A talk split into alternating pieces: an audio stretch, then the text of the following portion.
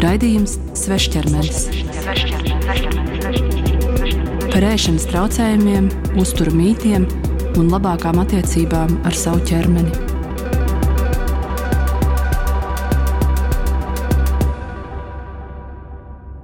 Esiet sveicināti raidījuma Svešķermenis pirmajā epizodē.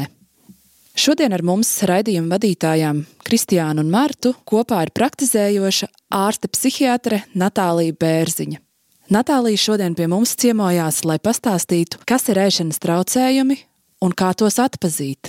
Runāsim arī par to, kurā vecumā ēšanas traucējumi attīstās, kā arī par to, cik būtiska nozīme ir kompleksai pieejai ēšanas traucējumu ārstēšanā.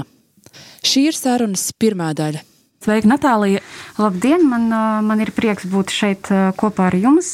Es esmu ārsts, psihiatrs, un daļēji arī mūsu darbs kā psihiatri iekļauj sava veida psihoizglītošanu, tādus psihoterapijas elementus. Un es pārsvarā strādāju kā psihiatrs gan valsts praksē, gan privāti. Un pacienti mums ir ļoti dažādi, un ēšanas traucējumi, pacienti ar ēšanas traucējumiem ir tajā skaitā, kas ir arī ļoti bieži. Varbūt varētu izstāstīt, mēs bieži vien arī esam savā izpētē saskārušās ar to, ka cilvēki reizēm jauc, kāda ir atšķirība starp gremošanas traucējumiem un ēšanas traucējumiem. Nu jā, tas ir labs, ļoti labs jautājums. Gremošanas traucējumi pēc būtības ir tādi traucējumi, kas skar fizioloģiju, somatiku. Tas nozīmē, ka ir kuģa zarnu trakta, noteiktas izmaiņas, varbūt kļotādā vai varības vielu uzsūkšanās procesā, kas savukārt ietekmē pēc tam organisma tālākās funkcijas, viņa nutrīciju un dažādas svarīgu, dažādu svarīgu komponentu saņemšanu. Bet ēšanas traucējumi, ja mēs runājam par anoreksiju, neirotisko anoreksiju, neirotisko bulīmiju, tad tie ir traucējumi, kas ir iedalīti psihisko psihisko traucējumu lokā un uh, tieši uh, ēšanas uzvedības traucējumi. Tas nozīmē, ka ir noteikti priekšstati, noteikta uzvedība, noteikts emocionāls stāvoklis, kas uh, kombinējas ar šo te, piemēram, tādu disfunkcionālu uzvedību, kas noved pie bīstamām sekām organismam, nu, un anoreksijas gadījumā, anoreksija nervoza gadījumā arī dzīvībai. Vai tu varētu lūdzu, Natālija, pastāstīt mazliet par ēšanas traucējumu, tad veidošanās vēsturi un par to, vai vispār ir tāda informācija, ka nu, no vēstures skatoties, kā ir attīstījušies šāda veida traucējumi cilvēkiem?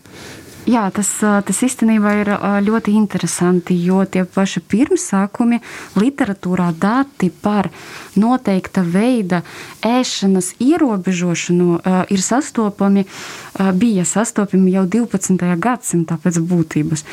Un tas, tas bija saistīts, nu, tur ir tāds slavens stāsts par, nu, kā to latviskot Katerīnu no sienas mm. pilsētas Itālijā, kura piekopa badošanos, bet tā ideja bija eh, saistībā ar reliģiju. Tā kā religiozo apsvērumu dēļ viņa ierobežoja sevi ēšanā, jo tas tuvināja viņu tādam svētīgumam un saistībai ar Dievu. Kaut kur 1800. gados, otrajā pusē, es precīzi jau nepateikšu, tagad sākā izmantot tādu terminu kā anoreksija, kā tāda, un pakāpeniski ar vien vairāk saņēma un, teiksim, nu, kā jā, atrada tādus klīniskos gadījumus, kas pastiprināja šo ierobežošanu.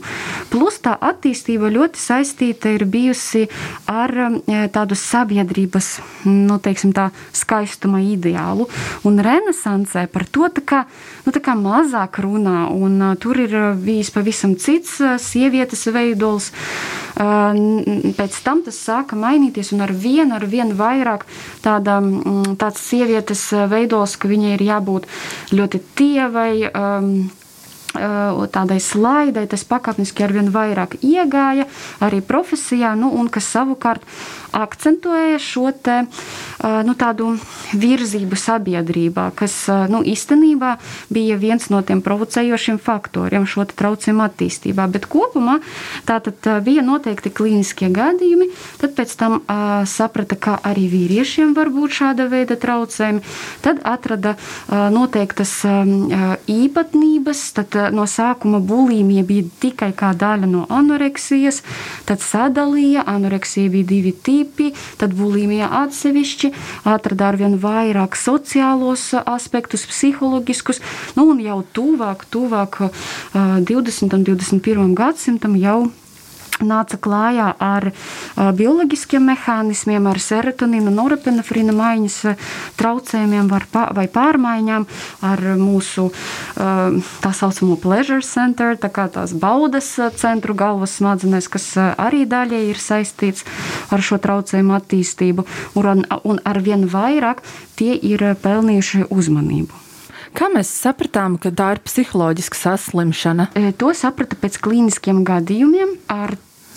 teiksim, ar to mums ir jāpateicās psihodinamiskai psihoterapijai. Jo viņi bija tie, tie speciālisti, psihoterapeiti, psihodinamiskā, psihoanalitiskā psihoterapija, kuri atrada šo psiholoģisko komponentu, komponenti, atrada arī noteiktas problēmas, iekšējus konfliktus, kas bija saistīti ar to, kuri bija saistīti ar to, ka tika sekmēta šī uzvedība ar sevis ierobežošanu, jo tie mehānismi varēja būt dažādi. Tur, protams, nu, ja mēs runājam par Freidu un viņa teorijā, tad, tad, tad noteikti tas ir fiksācijas noteiktās attīstības fāzēs. Tad, ja tālāk attīstīt um, psiholoģiskās teorijas, tad ir noteikts liels faktors, kas ir teiksim, cilvēka iespēja kontrolēt vismaz savu ķermeni, kā veids, kā teiksim, sadzīvot ar gadījumu, kad ģimene ir ļoti kontrolējoša, kad ir zaudēta šī separācija. Tas ir veids, kā piemēram arī kādreiz to piemin, tas ir veids, kā aizsargāt sevi, jo ļoti bieži bija arī gadījumi, kad pārciestā vardarbība, īpaši seksuāla vardarbība, tiek, nu, teiksim tā, nu, tā kā kompensēta gandrīz vai ar šāda veida uzvedību, lai ķermenis nav nu, nekāds patīkams, lai cilvēki uz to neskatītos, lai nebūtu vēl draudi tālāk. Ja? Jo tie mehānismi psiholoģiski ir ļoti dažādi. Tas var būt vai nu tāds centiens virzīties uz kaut kādu ideālu, kas ir pieņemts nu, sabiedrībā vai kaut kādā noteiktā sporta veidā, vai arī tāda sevis aizsardzība pēc būtības no kaut kādas potenciālas atkārtotas vardarbības. Tad, kad uh, mēs veicām priekšā intervijas ar uh, meitenēm, kurām ir bijušas anoreksijas vai bulīmija, tad uh, es pamanīju ļoti interesantu korelāciju, ka vairākām no šīm meitenēm bija miris viens no vecākiem, kad viņas bija ļoti mazas. Viņas jau pašas, kaut gan pat viņas daļa nebija gājušas, varbūt pat pie terapeitiem, bet skaidroja, ka tas bija tas pirmais punkts, no kura vēlāk arī šie traucējumi viņām attīstījās. Jā, tas noteikti tā varēja būt, jo pēc būtības tā arī ir tāda nu, tā kontrole, ko viņi zaudēja. Viņi nevar kontrolēt pasauli, kaut, viss kaut kas notiek, es vismaz varu kontrolēt sevi sevi. Ja, tas tiešām ir nu, tāda veida smagi pārdzīvojumi bērnībā, ir viens no riska faktoriem bez šaubām. Bet varētu lūdzu pastāstīt īsumā, kas ir ortoreksija, jo mēs ik pa laikam saskaramies arī ar šo terminu. Jā, tas ir ļoti interesanti, jo pēc būtības par to sāka runāt relatīvi nesen, nu, ja mēs ņemam vērā to vēsturi eh, ēšanas traucējumiem. Un eh, pirms parādījās tāds termins kā ortoreksija, bija, bija arī dažādi citi, un ir literatūrā un zinātnē mē, nu, mēģināts to, tos klasificēt, nu, kad, piemēram, cilvēks ēd kaut ko konkrētu vai nē, kaut ko citu, vai um, ir pat um, nu, tādi mm, traucējumi ne traucējumi, bet teiksim, tāds veids, kā mēģināt uzņemt ar vien vairāk ēdienu, lai uzaudzētu muskuļu masu. Tas vīriešiem ir raksturīgs. Protams, nu, to vēl pēta un turpinās pētīt, bet ortoreksija savā veidā ir nu, tāds priekšstats un tāds nostabilizējies domāšanas veids, ka ir jāiet tikai nu, tāda, teiksim, veselīgs, tāds, nu, teiksim tā, nedzīvnieku izcelsmes ēdiens pie ortoreksijas pieskaita tā saucamo svaigo ēšanu, tā saucamo arī tā vegānisku vai vegetārisku ēšanu, vai arī kopumā tādu ļoti striktu nostāju, ka mēs neko citu izņemot kaut kādus konkrētus produktus, nu, kas ir tādi vairāk uz to dabīgo pusi, nēdam. Un, Tā nav problēma vispārēji, ja cilvēks piekopja nu, tādu dzīvesveidu, viņš izvēlās vairāk nu, tādu augu izcelsmes ēdienu, tas ir ok, super. Bet, kad tas pārto par tādu nu, teiksim, izteiktu nu, tādu tā pārņemtību, ka cilvēks ļoti pievērš tam uzmanību, neko citu pilnīgi nē, ja viņš kaut ko citu saskarās ar kaut ko, tad viņam ir bezmaz vai trauksme, nemieris, bāžas, nu, tāda, tādas ļoti izteiktas intensīvas trauksmes epizodes, nespēja kaut ko pieņemt, būt elastīgam. Nu, tā, savā veidā tas jau tā kā tuvinās uz to ortoreksijas pusi. Tev jau ir iespēja, teiksim, kā pacientam jau kā šādu diagnozi saņemt, vēršoties, piemēram, Vēl pie psihiatra. Nē, nē, nē, nē tas, tas šobrīd, iekļauts. jā, tas šobrīd vēl nav klasificēts. Mm -mm, mm nē, nē, mums ir SSK desmit klasifikatorā pagaidām, mums ir uh, neirotiskā anoreksija, tipiskā, tipiskā neirotiska bulīmija, tipiskā, tipiska un citi neklasificēti ēšanas traucējumi, kur ietilpst tādas pārēšanas epizodes vai tāda nu, teiksim, stresa ēšana. Vai tu vari pastāstīt par varbūt mazliet par tādu kā ārstēšanas procesu? Kā īsti notiek tā sadarbība starp psihiatru un, piemēram, anoreksijas slimnieku? Pirmkārt, tas ir samērā ilgs ceļš kopumā, un arī pirms vispār cilvēks griežas pēc palīdzības, jo bieži vien tas tiek novilcināts. Un, tik tiešām mēs redzam pacientus ar neirotisku anoreksiju tad, kad tiešām viens no kritērijiem jau ir pilnīgi tāds plaukstošs, kad ir izteikti pazemināts ķermeņa svars, 15% zem normas, un, un tas ir arī viens no kritērijiem kad var runāt. Tas ir obligātais kritērijs. Un, jā, kad mēs sākam sadarbību un ārstēšanas procesu, tad mēs uzreiz parasti pārunājam plānu, kurš iekļauj sevi dažādus speciālistus. Jo ēšanas traucējumu ārstēšana prasa nu, tādu multidisciplināru komandu pēc būtības. Tur ir jābūt psihoterapeitam, tur ir jābūt psihologam ar dažādām nu, teiksim, zināšanām, dažādās terapijās metodēs, kā piemēram kustību terapija, mākslas terapija, mūzikas terapija, grupu terapija, kā arī, protams, tur ir uzturas speciālists. Protams, pacients ar anoreksiju labāk nekā jebkurš speciālists var pastāstīt par kalorijām, ja? jo tas, nu, diemžēl, ir viens no tiem veidiem, kā viņi mēģina uh, šo, nu, to svaru samazināt. Bet, bet uzturas speciālista nozīme tomēr ir uh, uh, bez šaubām liela, jo viņš palīdz tomēr kaut kādus, varbūt, domāšanas tādus nepareizus domāšanas veidus piekoriģēt kompleksā. Un, protams, nu, psihiatrs eh, pēc būtības eh, ir iekļauts eh, tajā programmā. Un, nu, kā, Ja mēs runājam par anoreksiju, neirotisko anoreksiju, tad nu, nav īstenībā nekāda tāda medikamenta, kas simtprocentīgi literatūrā un pētījumos ir pierādījuši efektivitāti. Vismaz tā vēl bija nesen. Un, eh, ja tā terapija tiek lietota, tad visbiežāk tā tiek pielietota komorbiditātēm, jeb blakus saslimšanām, jo anoreksija ļoti bieži iet roku rokā ar obsesīvi kompulsīviem traucējumiem, ar trauksmes, citiem spektra traucējumiem un arī ar depresiju depresiju kā tādu. Līdz ar to tam mēs, protams, varam pielietot, ja ir indikācijas medikamentozo terapiju, nu, ko atbilstoši dara psihiatrs. Bet psihoterapeita loma ir ārkārtīgi liela, jo pēc būtības mums ir jāstrādā ar cilvēka domāšanu, attiecībā uz ēdienu, ir jāizveido veselīgas attiecības ar ēdienu.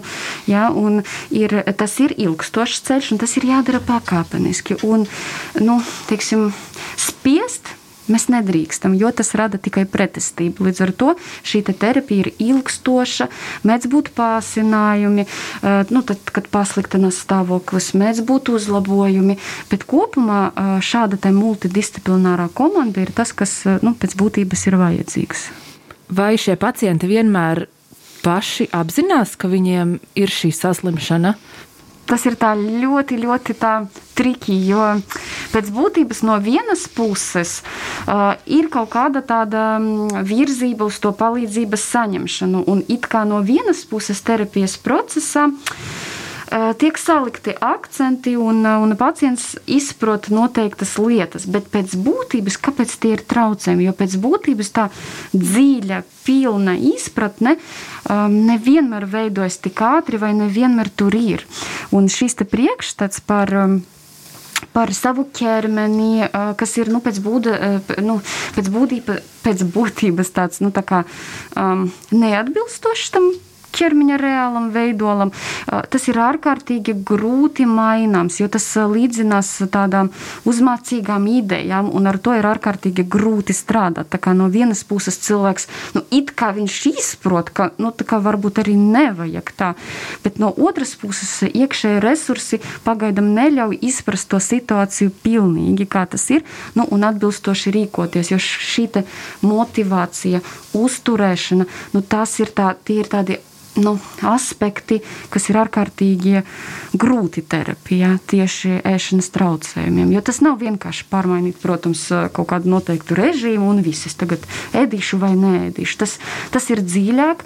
Um, pacienti ar neirotisku anoreksiju viņi saskarās ar ārkārtīgu trauksmi, tad, kad viss iet ne pēc tā plāna. Tāpēc, um, nu, tad, kad ir kaut kas ir jāmaina, kad ir tomēr jāiet, tad ieslēdzās daudz bāžas, daudz bailes.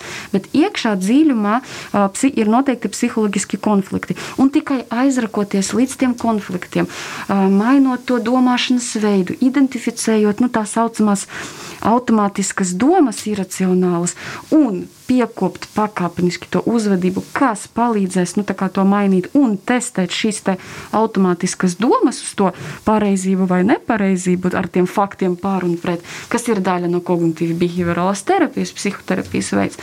Tad tas ir tas, ko mēs darām, nu, kas ir tas būtiskākais tajā procesā. Un, protams, To visu sarežģīja kādreiz ļoti intensīva situācija, kad tas svars krīt. Sākas pārsitieni, un aritmijas, un, un uh, vitamīnu trūkums, un osteoporoze, un dažādas citas pārmaiņas, kas nu, kālie līmeņa svārstības, ja, kas nu, potenciāli ir dzīvē draudošas. Līdz ar to kādreiz šī situācija var būt pārāk saspringta. Uh, tāpēc nu, tad ir jārīkojas atbilstoši, lai no sākuma uzturētu fizioloģisko kārtību un cilvēku piedzīvības, un tad atkal ieviest ar jaunu, no jauna vai atkārtoti šo psihoterapeitisko komponenti.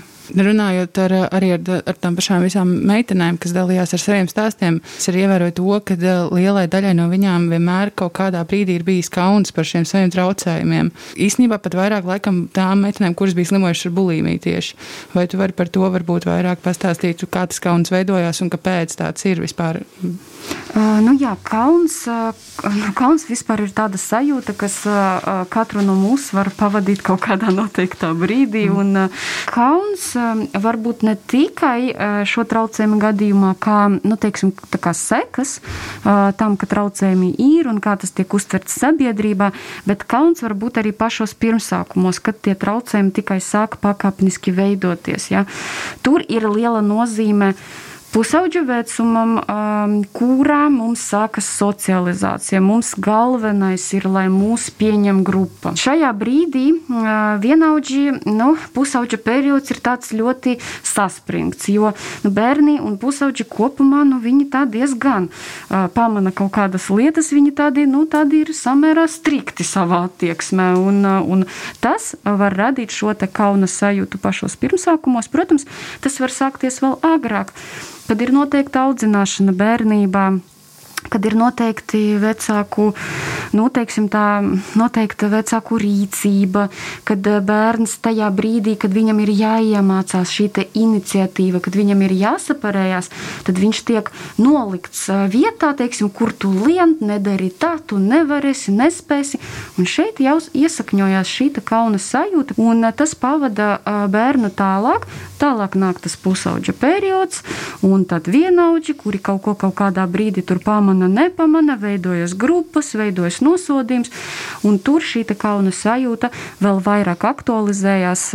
Meitenes, puiši sāk kaunēties par savu izskatu, un tad nāk palīdzībā sabiedrības mēdīja, kuri arī tagad, nu, kā to pateikt, nu, nu es laikam teiktu, ka postulē kaut kādas, nu, teiksim, kaut kādus veidolus kādam kā, nu, it kā cilvēkam jābūt, kas īstenībā varbūt tā arī nav.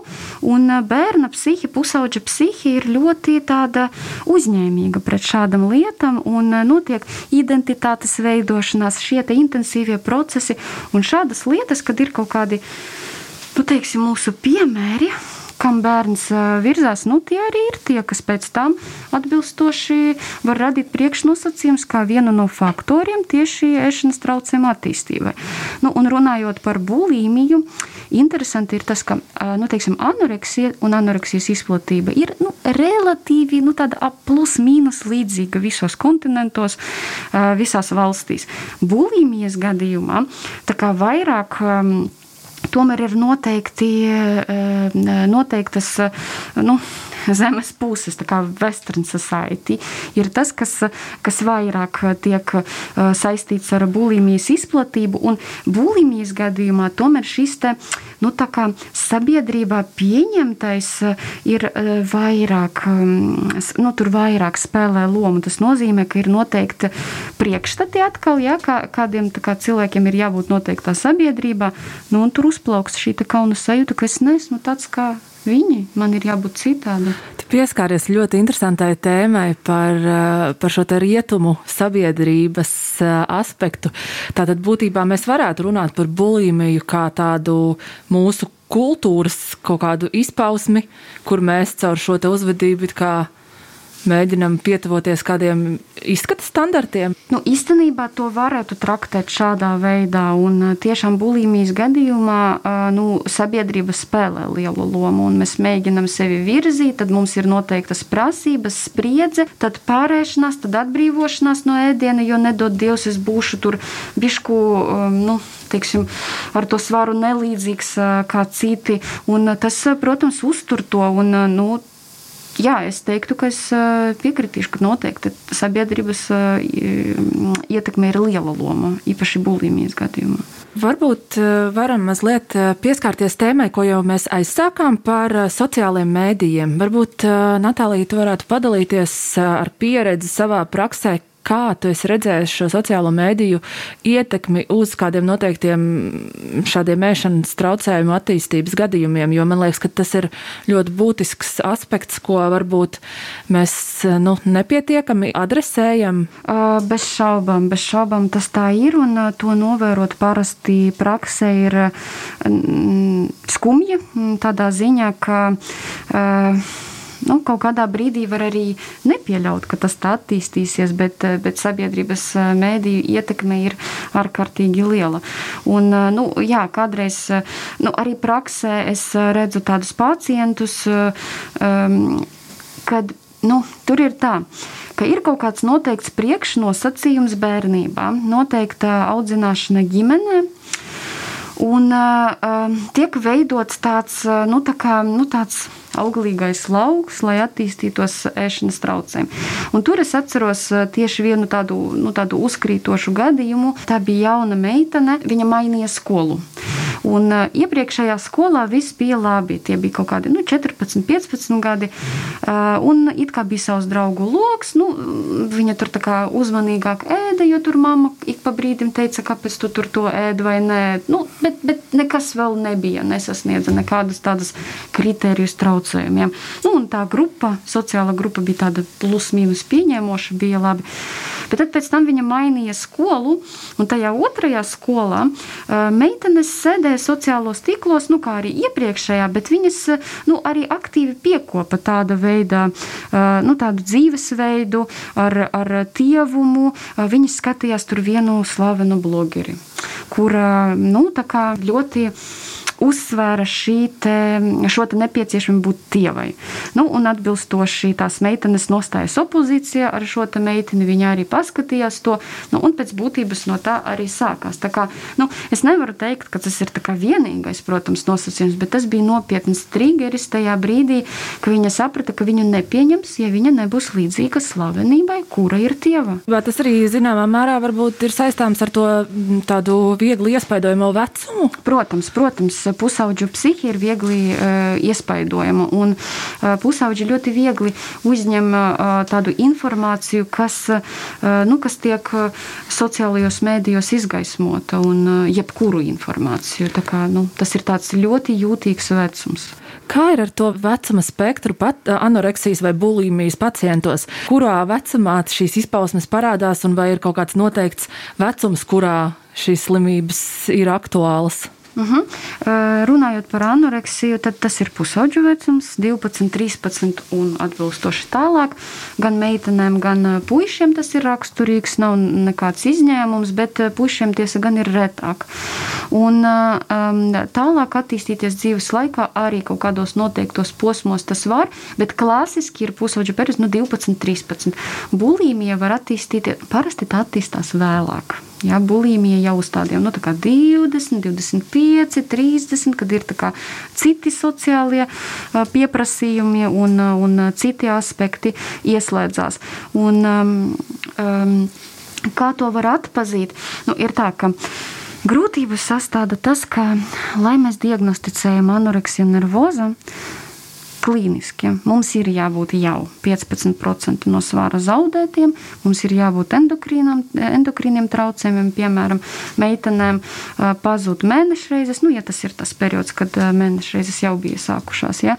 Pazūd, ir kaut kādas citas endokrinoloģiskas saistības, nu, lielākoties ar dzimumu hormoniem, un kaut kādas fiziskas izmaiņas, plus šī domāšana, ja? pārņemtība ar ēšanu, ar ierobežošanu, un šis priekšstats par sevi, ka ir jābūt noteikti noteikta tievuma un tāds, nu, teiksim, tāds nu, neatbilstošs realitātei sava ķermeņa, neatbilstoša uztvere.